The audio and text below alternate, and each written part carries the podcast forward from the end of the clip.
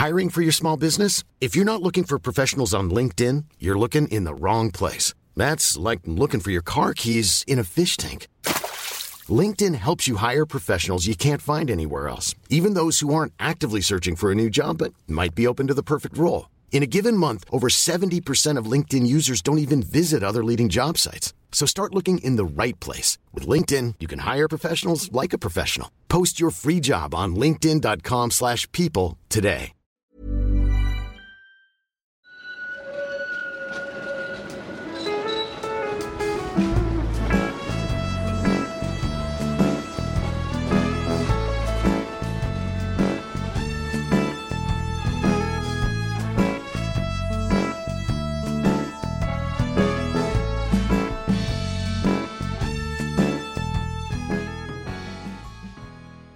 Återigen, en podd. Gator och torg Göteborg.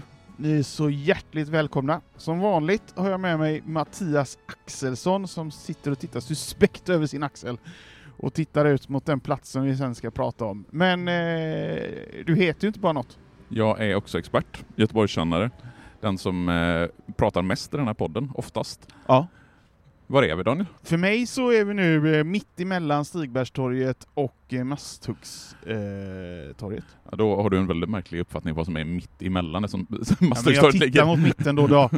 Ja, vi, ja, så kan man säga. Vi sitter på Ha- Hakets uteservering. Ja, så egentligen är vi kanske på Masthuggstorget. Ja, rent tekniskt är vi nog på Masthuggstorget, eller på Första Långgatan. Ja. Men eh, därifrån vi sitter så kan vi ju se den platsen som vi ska prata om idag i vår lilla sommarserie. Vad handlar Ja. vår sommarserie om? Det är ju li- det är lite konstigt. Det handlar om platser som inte finns. Mm. Och då tittar vi ändå på en plats som finns. Ja, för det finns ju någonting där. Den har bara bytt namn eller något. Ja, den heter ju fortfarande det, det som eh, den hette då, men den har flyttat och finns inte egentligen längre. Vi ska prata om Johannesplatsen idag. Det är den platsen som är Men är det i inte fokus. nästan lite forcerat att uh, trycka in en plats som fortfarande finns, men som inte kommer finnas sen? Ja, grejen är den att vi gjorde ju ett avsnitt för ganska länge sedan där Johannesplatsen omnämndes. Minns du vilket avsnitt det var? Nej. Visste inte det? Nej. Det var när vi pratade om Älvsborgsbron. Jaha. För då nämnde jag att ett av de förslagen som fanns var man skulle bygga en älvförbindelse.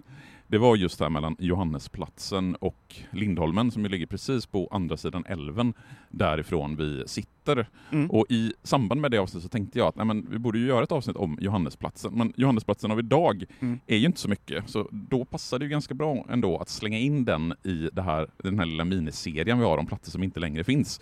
För Mm. platsen finns ju inte där den fanns. Den finns ju i någon mening fortfarande eftersom den fortfarande heter Johannesplatsen. Men vi Ja. tittar ju ut över en parkeringsplats Ja i första hand. Och på andra sidan älven så ser vi Karlatornet som vi har pratat om i ett avsnitt om Lindholmen. Det är Ja. många platser som vi har pratat om, ser Vi jag ser, här runt om. Ser Stenabåten. Vi ser även Järntorget, Hotell Draken som vi pratade om Och så, Olof Palmes och plats. så kyrkan där, vad heter den? Johanneskyrkan som vi kommer att Johanneskyrkan, nämna precis. i dagens Ja. avsnitt och sen så ser vi Stigbergsstigen upp till Stigbergstorget som ett avsnitt som vi också, eller ett, en plats som vi också har pratat om tidigare. Ja, ska vi säga någonting om Patreon också? Patreon är ju asbra för, eh, för oss och för den här podden. Eh, för som ni märker så hamnar vi ofta på, på massa roliga ställen med, med, med mat och annat. Så då behöver vi ha pengar för att betala för att sitta här. Ja, Nej, vi ska säga, haket är faktiskt inte öppet idag så vi behöver inte betala något för att sitta här. Men eh, bli gärna månadsgivare på patreon.com snedstreck Mm. gator och torg i Göteborg. Hur många månadsgivare har vi nu? Nu har vi 55 stycken Mm. eh, månadsgivare och vi har sagt att blir vi 100 månadsgivare då kommer vi ha ett specialevent. Men vi har en bra bit kvar tills dess. Men gå Ja. in och sponsra oss, 35 kronor i månaden kostar det. Bli gärna månadsgivare på högre Ja. nivåer. Det finns Ja. ju även andra nivåer än den lägsta. Yes. Eh, då får ni alla avsnitt reklamfria samt att ni får alla specialavsnitt som kommer varannan vecka. Det här avsnittet är ju fritt så det kan alla lyssna på. Men förra veckans avsnitt till exempel, det var ju specialavsnitt för Patreon. Exklusivt. Men Johannesplatsen, eh, guida oss. Ja, alltså den här poddserien ska ju handla om platser som inte finns. Och i någon mening så finns ju faktiskt Johannesplatsen. Det kan vi se, det är ju en skylt där borta där det står Johannesplatsen. Men lite olika kartor ger lite olika information om Johannesplatsens existens. För tittar man till exempel på Lantmäteriverkets kartor, då finns inte Johannesplatsen utsatt, utan då heter den här platsen, eh, då är det en förlängning av Andra Långgatan. Men Mhm. tittar man på Google Maps, då står det Johannesplatsen. Och tittar man i Göteborgs stadsmuseums databaser så finns det en plats som heter Johannesplatsen sedan eh, 1800-talet. Men när man tittar på gamla kartor så kan man se att platsen har förflyttat sig närmare älven och närmare mot Masthuggstorget. Så den Johannesplats som fanns en gång i tiden, den finns ju inte längre. Johannes eh, är ju framförallt för mig ett bibliskt namn. Finns det någon sån koppling till varför det heter så? Ja, alltså Johannesplatsen har ju fått sitt namn från Johanneskyrkan som vi väl, ja vi ser faktiskt den härifrån där Mm. vi sitter, det ligger ju precis uppför slänten från där gamla Johannesplatsen idag ligger. Och det är ju mycket riktigt en biblisk Johan, Johannes. Dock har jag inte lyckats komma fram till om det är Johannes döparen eller Johannes evangelisten som är den Johannes som har fått ge namn åt Johannesplatsen. Men vi kan åtminstone konstatera att platsen har hetat Johannesplatsen sedan sommaren 1883. För där kan man läsa i någon av Göteborgs tidningarna eh, att den öppna platsen väster om Masthuggstorget, där första och andra Långgatan förenas, benämns Johannesplatsen. Det bestämmer alltså den 1 juni 1883. Och San- Sankt Johanneskyrkan, alltså den kyrka som gett namn till Johannesplatsen, den invigdes redan 1866 och fyra år dessförinnan så fick domprosten Peter Wieselgren en födelsedagspresent av Oskar Ekman som en grosshandlare och donator. Och den här födelsedagspresenten till Peter Wieselgren, det blev själva grundplåten för det här kyrkobygget. Och kyrkan, den skulle stå till domprostens förfogande för, som det stod, andlig verksamhet i Masthugget. För Masthuggsborna, de hade ingen egen kyrka. Domkyrkans platser, de var abonnerade, så där kunde inte Masthuggsborna liksom komma till. Och Karl Johanskyrkan, som är den andra kyrkan som ligger i typ någon form av geografisk närhet, den tillhörde ju en annan församling. Så när man bygger den här kyrkan i mitten på 1800-talet så är det ju då tänkt att vara till för Masthuggsborna.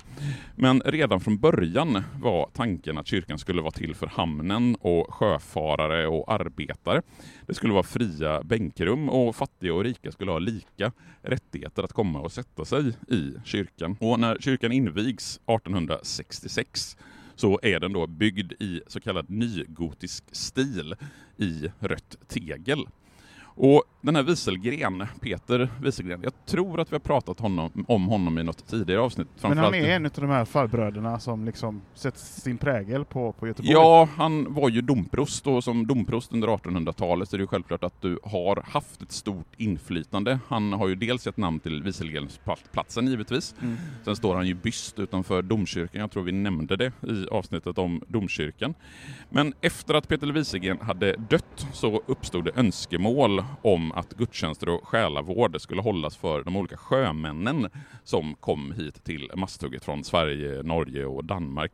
Och även Finland, vilket ledde till att Sankt Johanneskyrkan 1878 blev en sjömanskyrka. Och den här sjömanskyrkan, det var en så kallad fri kyrka utan ter- territoriell församling, alltså den tillhörde inte någon av Göteborgs församlingar, den hade ingen pastorsexpedition, det fanns inget medlemskap, den var ekonomiskt oberoende, vilket gjorde att när man kom till Sankt Johanneskyrkan så mötte man en friare och mer okonventionell förkunnelse än den man hade i den traditionella västsvenska kyrkligheten. Varför blev det så här? Jag tror att det hänger ihop med just att det var en sjömanskyrka och i, till en sjömanskyrka så kommer det människor med olika konfessionell inriktning. De har Mm. olika tro. De är kristna allihopa, för det var det man var på 1800-talet. Men man kunde Mm. ha lite olika tolkningar av kristendomen. Ska du då känna dig välkommen i en kyrka så måste det vara lite friare. Du kan inte vara så bokstavstrogen eller så inriktad mot en specifik Men betyder det inriktning. också att man inte bara hade svenska sjömän? Ja, som jag nämnde så var Ja. det både från Norge och Danmark och Ja, Finland det. som besökte även kanske andra länder? Förmodligen så var det så att sjömän från, även från andra platser runt om i Europa kom till Sankt Johanneskyrkan. Och om man flyttar framåt lite i tiden för att se hur Sankt Johanneskyrkan har utvecklats så slår man 1975 ihop Sankt Johanneskyrkan och Sjömansgården till stiftelsen Sjömanskyrkan i Göteborg. Och i mitten på 1980-talet så överlåter man kyrkan till Göteborgs kyrkliga samfällighet som hyr ut den till olika kristna församlingar i Göteborg. Man använder till exempel Masthuggskyrkan för olika typer av skolavslutningar och liknande. Och sedan 1996 så tillhör kyrkan Göteborgs kyrkliga stadsmission och är därmed en av mycket få kyrkor i Sverige som är byggda av Svenska kyrkan som övertagits av en helt privat organisation. Och idag så är Sankt Johanneskyrkan en av de mest besökta kyrkorna i Göteborg. Halva lokalen fungerar som café och halva lokalen är vad man kan beskriva som ett traditionellt kyrkorum. Man har liksom behållit det här okonventionella. Ja, eftersom den inte drivs av kyrkan längre utan av Stadsmissionen och att den är framförallt öppen för alla typer av människor. Det finns ju till exempel mycket så att hemlösa går dit för att äta mat till en billig slant och, och liknande. Burrow is a furniture company known for timeless design and thoughtful construction and free shipping, and that extends to their outdoor collection. Their outdoor furniture is built to withstand the elements, featuring rust-proof stainless steel hardware, weather-ready teak, and quick-dry foam cushions. For Memorial Day, get 15% off your Burrow purchase at burrow.com slash ACAST and up to 25% off outdoor. That's up to 25% off outdoor furniture at burrow.com slash ACAST. Millions of people have lost weight with personalized plans from Noom, like Evan, who can't stand salads and still lost 50 pounds. Salads, generally, for most people, are the easy button, right? For me, that wasn't an option. I never really was a salad guy. That's just not who I am. But Noom worked for me. Get your personalized plan today at Noom.com. Real Noom user compensated to provide their story. In four weeks, the typical Noom user can expect to lose one to two pounds per week. Individual results may vary. Så vi vet att från mitten av 1800-talet så har det funnits en kyrka här och platsen har i någon mening haft ett namn, men det har ju funnits saker här tidigare. Ja, alltså Mastugget har ju funnits här sedan eh, 1600-talet eftersom Mastugget ingick i de ursprungliga ägorna till Göteborg. Och gränsen mellan Göteborg och Majorna, eller Örgryte socken, den gick ju precis här nedanför Stigberget. Och att området heter Masthugget överhuvudtaget, det var ju för att man tillverkade skeppsmaster i hamnområdet. Och anledningen till att man gjorde det här, det var ju att man då inte behövde bry sig om vilka öppettider stadsportarna hade. För stadsportarna de stängde ju och öppnade under vissa specifika tider, vilket gjorde att man, om man byggde här ute så behövde man inte förhålla sig till det. Dessutom så var man inte heller tvungen att förhålla sig till de regleringar i stadsplanen som fanns innanför murarna, vilket gjorde att man kunde ha en friare bebyggelse. Och om man tittar vad Masthugget var ursprungligen så var det området mellan älven och Skansberget och Stigberget skulle man kunna säga. Och vi pratade ju om det i avsnittet om första Långgatan så jag ska inte fördjupa mig jättemycket i Men Skansberget är det borta där, där Skansen, eh, Ja. kronan står? Ja, exakt så. Så jag ska inte fördjupa mig jättemycket i vad som låg här tidigare, för det gick vi ganska grundligt igenom i avsnittet om Andra Långgatan. Men vi kan ändå nämna att två gator som Eftersom vi ändå pratar om platser som inte finns så kan vi prata, nämna de två gator som inte finns näm- längre, nämligen Breda och Smala vägen. Mm. Eftersom längs med Breda och Smala vägen som går ungefär där första Långgatan går idag och där tredje och andra Långgatan går idag. Där hade handelsmän byggt eh, lite olika privata egendomar och odlat mark och bostäder och liknande. Man måste ändå gilla den här namngivningsgrejen när man bara nämner det är det här det är. Mm. Bred väg. Bred väg, Smal smal väg. väg. Man får Ja, heta det. Alltså, jag fortsätter lite med det sen, med första Långgatan, andra Långgatan, tredje Långgatan, fjärde Långgatan. Också ganska fantasilöst kan jag tycka. Eh, och då har vi kommit till det här med gränsdragning liksom. Eh, vart går gränsen mellan Masthugget och Majorna egentligen? Ja, alltså vi är precis här i, i gränstrakten mellan, alltså den yttre delen av det gamla Göteborg. För går vi bara ett par hundra meter bort så hamnar vi ju i det som traditionellt då räknas som Majorna.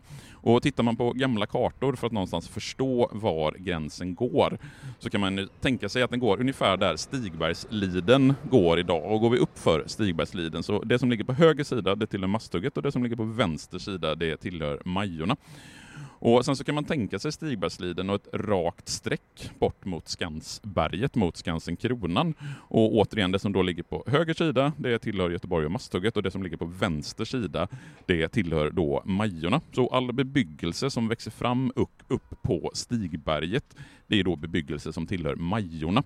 Och kyrkan och Stigberget, det ligger då rent tekniskt i Majorna, medan Johannesplatsen i någon mening då rent tekniskt ligger i Masthugget. Så Sankt Johanneskyrkan ligger i Majorna, medan Johannesplatsen Så vi har ligger två i kyrkor Masthugget. som ligger i Majorna ganska nära varandra. Tänker du Karl Johanskyrkan? Det är ju ganska bra bit bort ändå, är det inte det? Ja, det, kanske, då på 1800-talet kanske det var det. För oss nu är det inte Nej, så. nu, nu, framförallt med spårvagnar så går det ju ganska smidigt. Ja, så när, när, när började det komma bebyggelse här?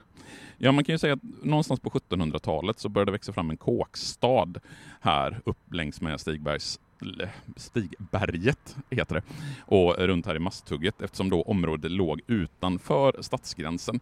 Och att det växer fram en bebyggelse just här, det handlar ju om att amiralitetsvarvet låg här i närheten och det är det varvet som från 1700-talet kallas för Gamla varvet. Området söder om Stigbergsliden började sannolikt bebyggas redan på 1600-talet men tog ordentlig fart på 1700-talet. Och på sluttningarna uppför Stigberget från nuvarande Fjällgatan ner mot älven så började det då byggas, men sig på sent 1700-tal och då är det gles bebyggelse, bostadshus av trä, små fiskarstugor längs slingrande vägar och det är en ganska tydlig koncentration av bebyggelse just längs med Stigbergsliden. Och trädgårdarna på Stigberget de beskrivs redan på 1700-talet som citat härliga och sköna. Och när vi kommer fram till sen 1800-talet så upprättar man en plan för Masthugget och det området som ingår i Masthugget. Och från 1866 så gör man den här stora utbyggnads och regleringsplanen som omfattar ganska många områden runt om i Göteborg. Och de här planerna de innebar att det befintliga oregelbundna och den glesa bebyggelsen ersattes med rätvinkliga kvarter längs nya raka gator och då är det framförallt långgatorna jag tänker på. Det är där man gör den liksom här nya stadsplanen. Och där Masthuggstorget respektive Järntorget ligger idag så fanns det öppna platser och torg redan på 1700-talet. var ju lite inne på det i avsnittet om Olof Palmes plats. Och de här platserna de utvidgas och får en stramare form i de nya stadsplanerna. Eh, och som vanligt så har ju du en massa härliga fina bilder och kartor och allt möjligt. Och allt det kommer ju upp på vår Instagram. Eller hur? Givetvis, gator och torg i Göteborg. Samt eh, ska vi tipsa också om vårt Instagramkonto, det gamla Göteborg. Ja, du har även hittat bilder så att du kan göra den jämförelsen som vi gör där. Det kommer vi göra, några av bilderna i alla fall. Det Härligt. finns det ganska mycket intressant material. Då har vi nått fram till slutet av 1800-talet, och hur, hur ser platsen ut då? Alltså det är ju någonstans på slutet av 1800-talet som Johannesplatsen kommer till, eller det är åtminstone då som Johannesplatsen får sitt namn från kyrkan. Och platsen den växer fram nedanför Sankt Johanneskyrkan, och, och det är ju då där andra och första Långgatan möts.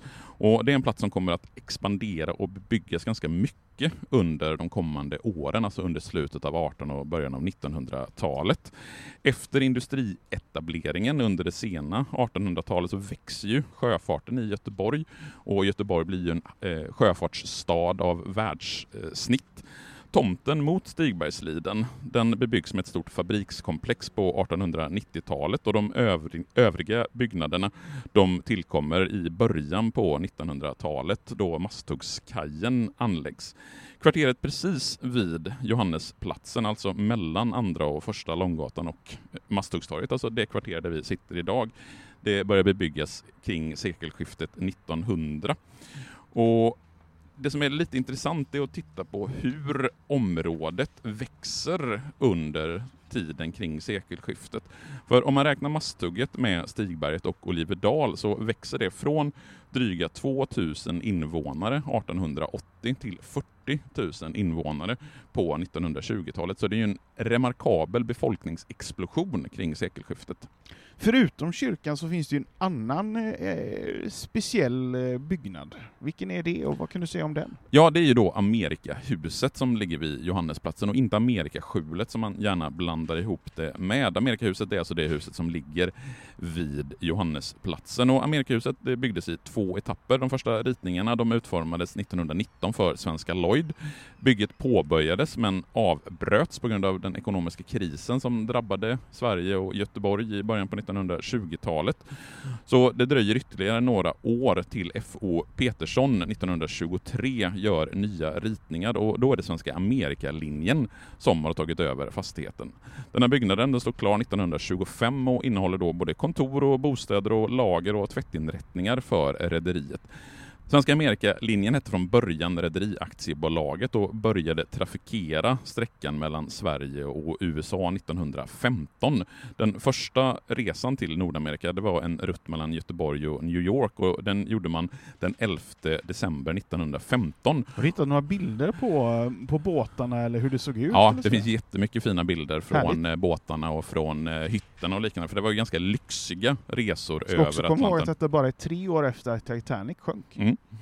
Och den första resan, där var det 137 passagerare och 150 000 postförsändelser som skulle över till USA.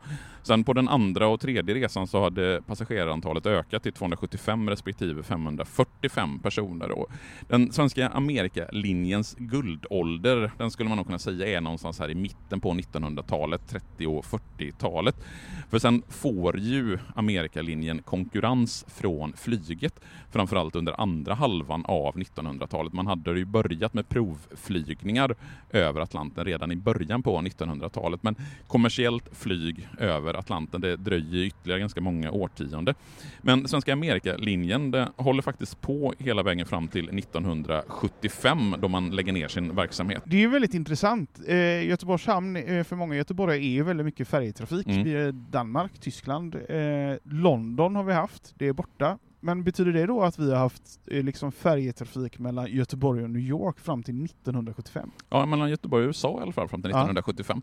Och det är lite intressant att tänka sig att tre år innan vi föddes så kunde man faktiskt åka båt mellan Göteborg och USA. Mm. Då ska man komma ihåg att när vi tänker färjetrafik mellan Göteborg och USA på 1970-talet, då är det inte den här reguljärtrafiken Nej. längre, utan då är det mer lyxkryssningar. Men du kunde faktiskt kliva på här i hamnen i Göteborg och ta dig hela vägen med båt över till New York. Och det är ju spännande att man kunde göra det så väg fram till ändå, 1975. ändå säga det. Det är lite tråkigt att vi har tagit liksom bort färjetrafiken. Jag förstår att det nog inte höll just i konkurrens utav flyget som du nämner, men det, hade varit, det är lite coolt ändå att kunna åka Ja, båt och det är ju verkligen så att det är ju någonting som skulle kunna få en renässans under kommande år med tanke på eh, liksom, kritik mot flyg och, och liknande. Mm. Sen så ska man ju komma ihåg att även båttrafik är ju ganska ja, ja. eh, utsläppsvänligt om vi säger så. Men om vi går tillbaks till själva huset så kan man se att huset är ett exempel på den här 1920-talets klassicism och även 1920-talets monumentalbyggnader.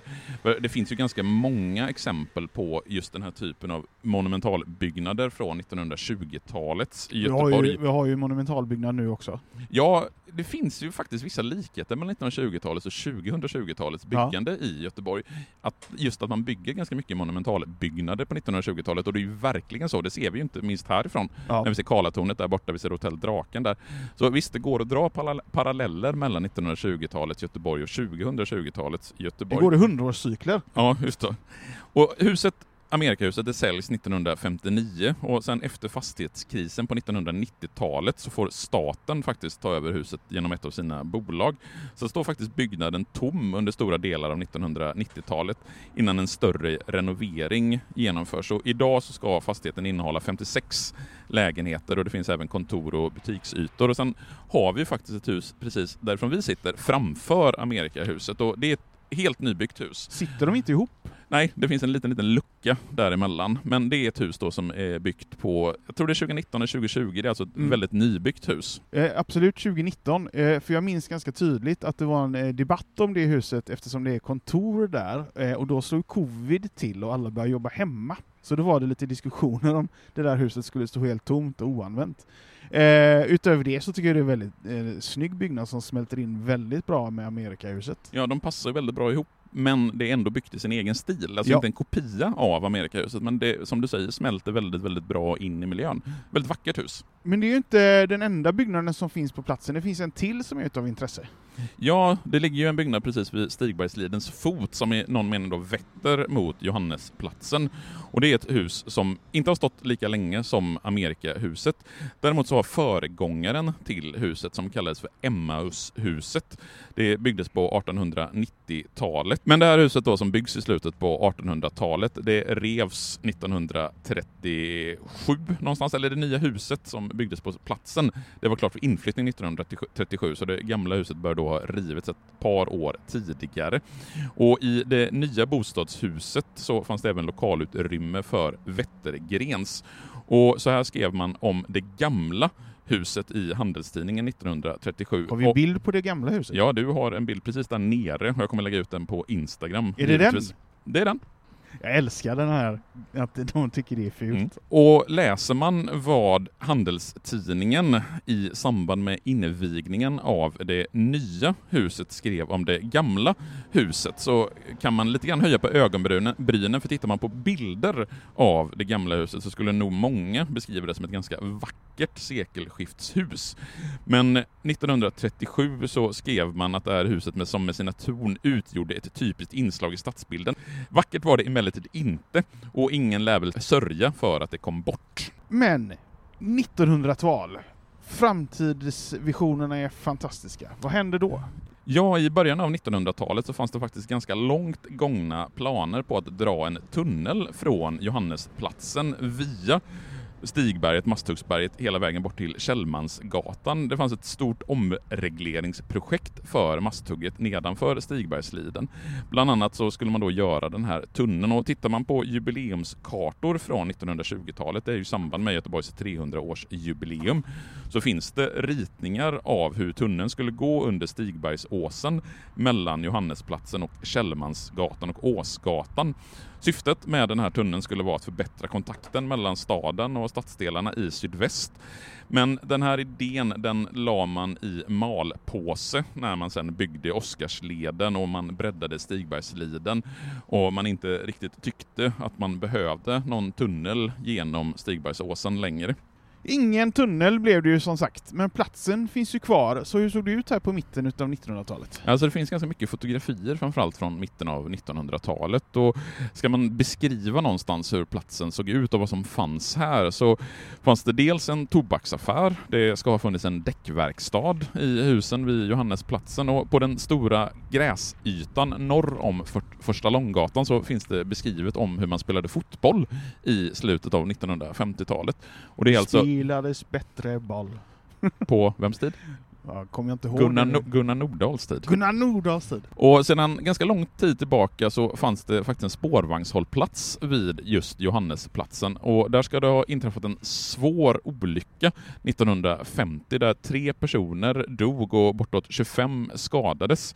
Och då beskrivs det så här i Svenska Dagbladet att en vagn som troligen fått fel på bromsarna rusade i full fart nerför den branta i Stigbergsliden i ett spårvagnståg och rände rakt nerför backen. Och då dog det som sagt tre personer och bortåt 25 skadades. Den hållplatsen finns ju inte kvar idag, men under en kort period när den nyaste nya, det vill säga inte den italienska spårvagnen utan den eh, Bombardier-spårvagnen, jättenya, de hade ju faktiskt en testhållplats här. Ja. Exakt på Johannesplatsen. Ja, det var ju när man eh, byggde om och renoverade Stigbergslidens spår så använde man just Johannesplatsen som en spårvagnshållplats, för då kunde det ju fungera som en ändhållplats. Mm. Eftersom man eh, kunde inte vända här, men man kunde använda de nya spårvagnarna ändå, för de kunde åka både fram och tillbaka. Ja, för de har dörrar på båda sidorna. Lite som tunnelbanan i Stockholm. Ja, vet du. Och sen under mitten av 1900-talet så fanns det de här planerna som jag nämnde i början på avsnittet, där att bygga en tunnel mellan Johannesplatsen och Lindholmen, men den tunneln blev ju inte av. Istället så byggde man ju Tingstadstunneln och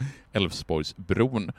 Och sen när vi kommer fram till andra an- halvan av 1900-talet så river man stora delar av bebyggelsen norr om Första Långgatan och kring Masthuggstorget och ersätter den med dels nybyggda hus och dels med mycket parkeringsplatser som vi fortfarande ser resultatet av. Husen finns liksom inte kvar, men parkeringsplatserna de sparade man. Ja, och det är ju det som någonstans finns kvar av Johannesplatsen idag. Mm. Det är ju de här parkeringsplatserna.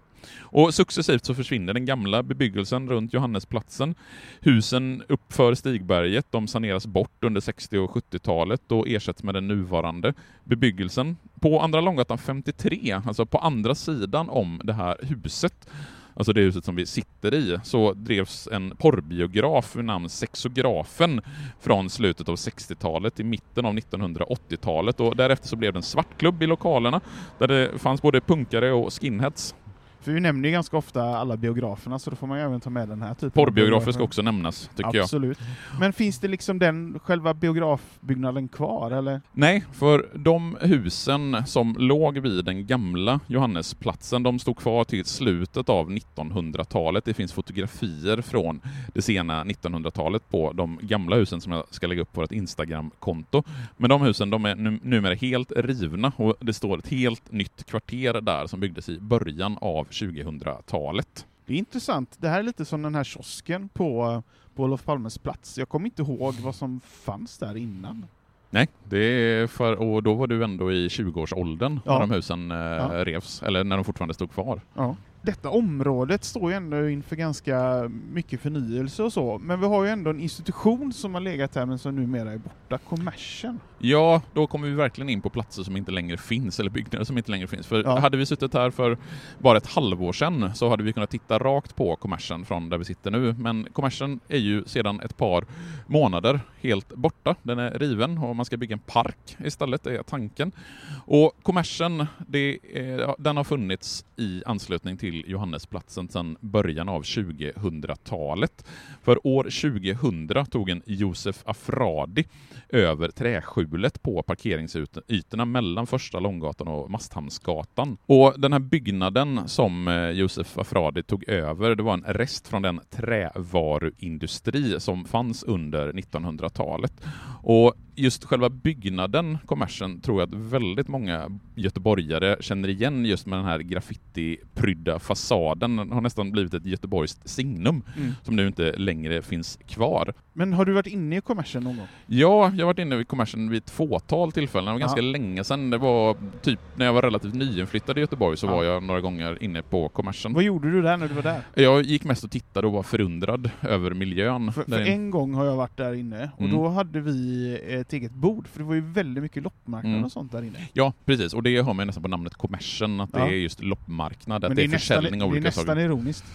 För att... Ja, det är ju inte liksom en sån här kapitalistisk kommers liksom, utan det Ja, är mer sådär, eh, folk som kommer dit med sina gamla källargrejer Mm. och så har, hyr man ett bord och så säljer man dem till Mm. de som råkar komma dit. Och det kan man inte göra längre för den gamla kommersen den revs nu under våren 2022 och det ska då ersättas av en park. Och tanken är att kommersen troligen, vad jag har förstått det, ska flyttas ut till hissingen Att eh, kommersen ska få nya lokaler ute på Hisingen Så man ska ändå behålla institutionen helt enkelt. På något sätt ska man behålla Ja. institutionen. Jag vet inte om huset ska behållas, det har jag svårt att tänka mig. Och de officiella förklaringarna till att man ville flytta på kommersen, det var för att eh, dels så är ju läget väldigt, väldigt attraktivt. Man ville ju använda det. Men också att det låg ganska dåligt, att det var ett slitet gammalt hus och att eh, det fanns risk för översvämningar och att vattnet när det rann eh, gjorde att huset blev sämre och sämre och att det i princip var nödvändigt att flytta på huset. Så, Johannesplatsen, finns den eller finns den inte? Ja, det, som sagt, det beror ju på vem du frågar och vilken karta du tittar på. Ja, det är klart att den finns i någon mening, för vi kan rent fysiskt se att det står Johannesplatsen. Men så som Johannesplatsen var och så som Johannesplatsen fungerade under 1900-talet, det, så är ju inte Johannesplatsen längre. Idag är Johannesplatsen en parkeringsplats och en liten, liten gatstump från eh, Första Långgatan och upp mot älven. Och ska man någonstans ringa in när Johannesplatsen upphör att finnas i liksom, folks medvetande. Jag tror inte att folk vet att den här platsen heter Johannesplatsen idag. Hade Nej. du backat till mitten på 1900-talet, då hade folk känt till Johannesplatsen. Och det är ju i någon mening när bebyggelsen försvinner och framförallt när spårvagnshållplatsen försvinner. Och jag kommer inte ihåg exakt vilket år det är som Johannesplatsens hållplats upphör att existera, men när den försvinner så försvinner också lite grann av betydelsen för Johannesplatsen. Och ska man titta på framtiden för platsen Johannesplatsen så kan man ju se att det här området kommer, där kommer att ske stora förändringar. Vi kommer ju få en park här till Mm. exempel. Jag vet inte om parkeringsplatsen kommer att fortsätta att finnas eller om man att sträcka parken hela vägen bort för då kommer ju helt plötsligt Johannesplatsen att få en ny betydelse om man kallar parken för Johannesplatsen Det till ska ju byggas eh, mer byggnader här också. Ja, det, det ja, det kommer ko- komma mer grejer, inte bara en park. Nej, men just på själva Johannesplatsen så... Och jag vet inte om, om själva parken kommer sträcka sig dit eller om man kommer använda den till någonting annat. Så även om Johannesplatsen i någon mening har upphört, upphört att existera så kanske den har en framtid ändå. Mm. Och kanske som är under ett helt annat namn då. Ja, det vet vi inte. Eller så behåller de det gamla namnet Johannesplatsen, för den har ju ändå en anknytning till Johanneskyrkan. Ja. Har vi nått eh, så att säga vägs ände nu då? Ja, vi har ju kommit fram till någon form av nutid och spekulerat lite i framtiden, så jag tänker att vi, vi är klara för idag Mm. med det här avsnittet om en plats som inte finns fast den egentligen finns. Precis. Och med det så säger vi eh, tack och hej Och bli gärna månadsgivare på patreon.com gator och torg i Göteborg. och kolla gärna på alla fina bilderna på våra två Instagramkonton. Yes, gator och torg i Göteborg och det gamla Göteborg. Yes, Så så, hörs hörs vi om en vecka. Ha det bra! Ha det gött! Hej.